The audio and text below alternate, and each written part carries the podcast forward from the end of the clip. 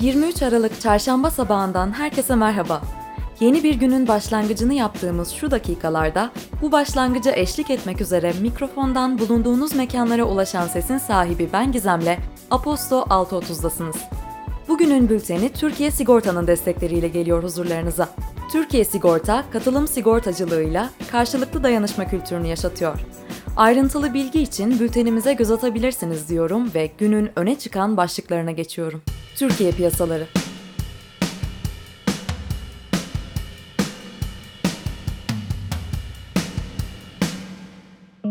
Asgari Ücret Tespit Komisyonu, 2021 yılında geçerli olacak olan asgari ücreti belirleme görüşmeleri kapsamındaki 3. toplantısını Türkiye İşçi Sendikaları Federasyonu'nun ev sahipliğinde çevrim içi yaptı.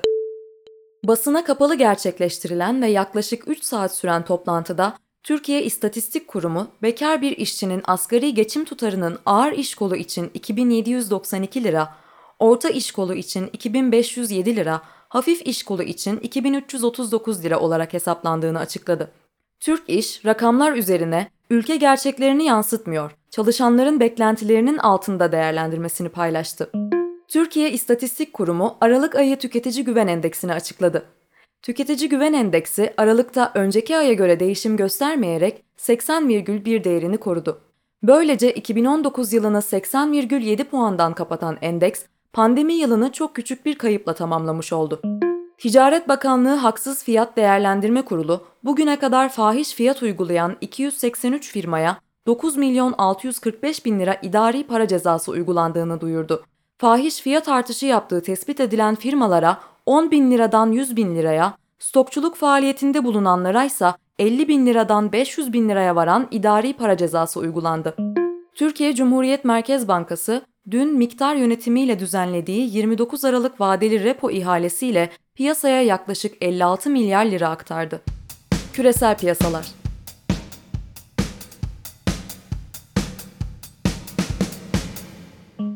ABD Ticaret Bakanlığı, Temmuz-Eylül dönemine ait gayri safi yurt içi hasıla verisine ilişkin nihai tahminleri açıkladı. ABD ekonomisi COVID-19 salgınının etkisiyle yaşanan tarihi daralmanın ardından 3. çeyrekte %33,4 ile rekor seviyede büyüme kaydetti. Ülkenin gayri safi yurt içi hasıla verisine ilişkin Ekim ayında yayımlanan öncü verilerle Kasım ayında yayımlanan ikinci tahminlerde ekonominin 3. çeyrekte %33,1 büyüdüğü kaydedilmişti. Birleşik Krallık'ta Ulusal İstatistik Ofisi'nin verilerine göre ekonominin aldığı darbeyle yeniden resesyona girme riskiyle karşı karşıya olan hükümet, mali yılın ilk 8 ayında 240,9 milyar sterlin borçlanarak rekor kırdı. ABD'de Temsilciler Meclisi'nin ardından ABD Senatosu da 900 milyar dolarlık COVID-19 destek paketini 1,4 trilyon dolarlık olağan hükümet fonlamasını ve işletmeler için vergi muafiyetlerini geçirdi. Toplamda 2,3 trilyon doları aşan mali paket, Mart ayında geçirilen 1,8 trilyon dolarlık CARES yasasının ardından ABD tarihindeki en büyük ikinci destek tedbirini içeriyor. Japonya'da kabine, 106,61 trilyon yen yani yaklaşık olarak 1,03 trilyon dolar hacmindeki 2021 mali yılı bütçe taslağını onayladı. Hızla yaşlanma eğilimi gözlenen toplumda sağlık ve emeklilik masraflarının yükselmesi nedeniyle sosyal güvenlik harcamaları toplam bütçe hacminin üçte birine ulaşacak.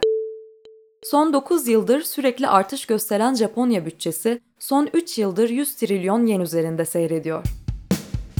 İş Dünyası Türkiye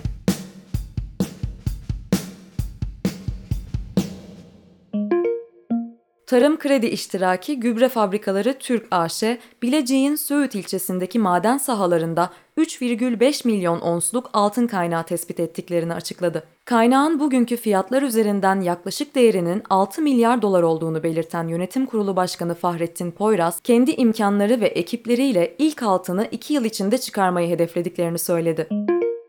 Pegasus Airlines, ABD merkezli Air Lease Corporation'dan bir adet yeni Airbus A321-200 Neo model yolcu jetini uzun vadeli kiralamak için anlaşmaya vardı. Diğer yandan şirket sat geri kirala yöntemiyle filosundan 4 adet Boeing 737-800'ü Air Lease Corporation'a satacak ve buradan geri kiralayacak. İş Dünyası Dünya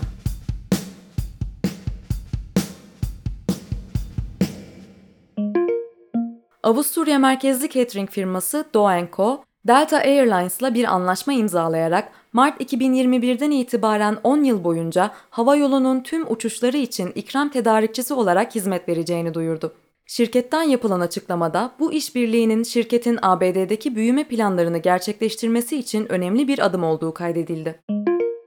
Norveç Petrol Direktörlüğü, ABD merkezli enerji şirketi ConocoPhillips'in Norveç denizi açıklarında petrol keşfettiğini açıkladı. Bölgedeki mevcut altyapıyla sahada geliştirme yapılabileceğini belirten Norveç Petrol Direktörlüğü, kaynakta 76 ila 201 milyon varil arasında petrol olduğunu tahmin ediyor. Teknoloji ve Startup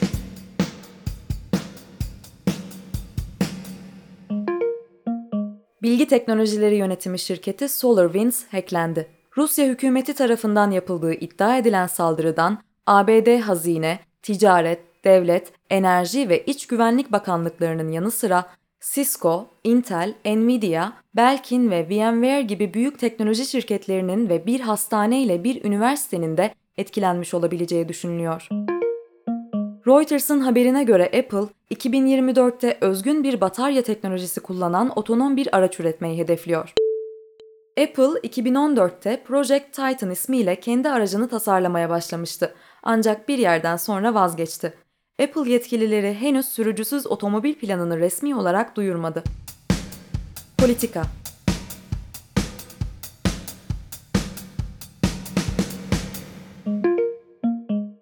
Libya'ya asker gönderilmesi için verilen iznin süresinin 18 ay uzatılmasına ilişkin Cumhurbaşkanlığı tezkeresi TBMM Genel Kurulu'nda kabul edildi. Avrupa İnsan Hakları Mahkemesi, HDP eski eş genel başkanı Selahattin Demirtaş'ın tutukluluğunun Avrupa İnsan Hakları Sözleşmesi'nin 5 maddesini ihlal ettiğine ve Demirtaş'ın derhal serbest bırakılması gerektiğine hükmetti. Demirtaş'ın avukatları hükümeti kararın gerekliliklerini ivedilikle yerine getirmeye çağırırken AK Parti sözcüsü Ömer Çelik, hukuk sistemimiz tabii ki bunu değerlendirecek ve buna göre bir yaklaşım üretecektir açıklamasında bulundu. Ankara Cumhuriyet Başsavcılığı, polis merkezleri ve cezaevinde çıplak arama iddiasında bulunanlar hakkında FETÖ lehine kasıtlı paylaşım şüphesiyle soruşturma başlattı. Ermenistan'da muhalefet, Dağlık Karabağ'daki savaş sonrasında Azerbaycan'a teslim olma anlaşmasını imzalayan Başbakan Nikol Paşinyan'a karşı ülkede süresiz protesto başlattı. Protesto kapsamında kamu binaları önünde gösteriler yapılırken genel grev başlatıldı ve bir karayolu ulaşıma kapatıldı. ABD'nin ara buluculuğunda sağlanan yakınlaşma sonrasında dün İsrail'den Fas'a ilk direkt uçuş gerçekleşti. Uçuşa ABD Başkanı Donald Trump'ın damadı ve danışmanı Jared Kushner da eşlik etti. Rusya, muhalif lider Alexei Navalny'nin zehirlenmesi nedeniyle Avrupa Birliği tarafından uygulanan yaptırımlara cevap olarak AB ülkelerinin temsilcilerinin yer aldığı yaptırım listesinin genişletildiğini duyurdu. Avrupa Birliği, Navalny'nin zehirlenmesinden sorumlu tutulan 6 Rusya vatandaşına ve Rusya Ulusal Araştırma Enstitüsü'ne yaptırım uygulamıştı. Spor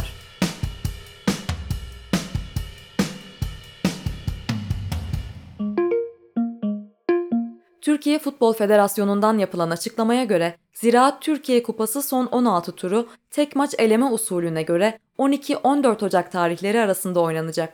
Maç takvimine dilerseniz bültenimizden ulaşabilirsiniz. THY Avrupa Ligi ve İNG Basketbol Süper Ligi ekiplerinden Fenerbahçe Beko, oyun kurucu Leo Westerman'la karşılıklı olarak yollarını ayırdığını açıkladı. 2020-21 sezonunda THY Avrupa Ligi'nde 9 maça çıkan Westerman, 4,8 sayı ve 2,3 asist ortalamaları tutturmuştu.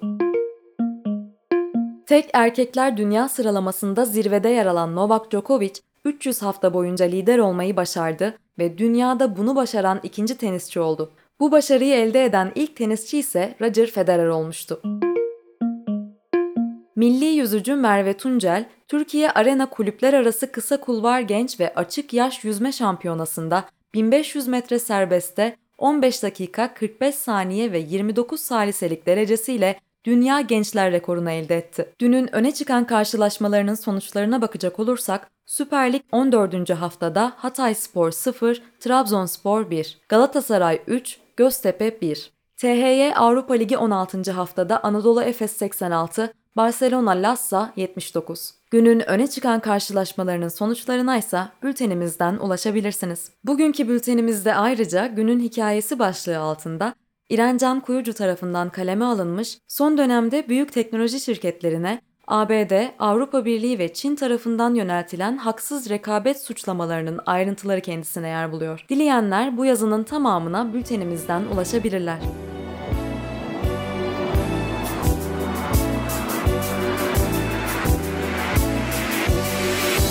Her çarşamba olduğu gibi bugün de Aposto 6.30 yayınında ben Gizem'leydiniz. Mikrofona veda ederken sizlere de keyifli bir gün diliyorum. Tekrar bu adreste buluşuncaya dek. Hoşçakalın.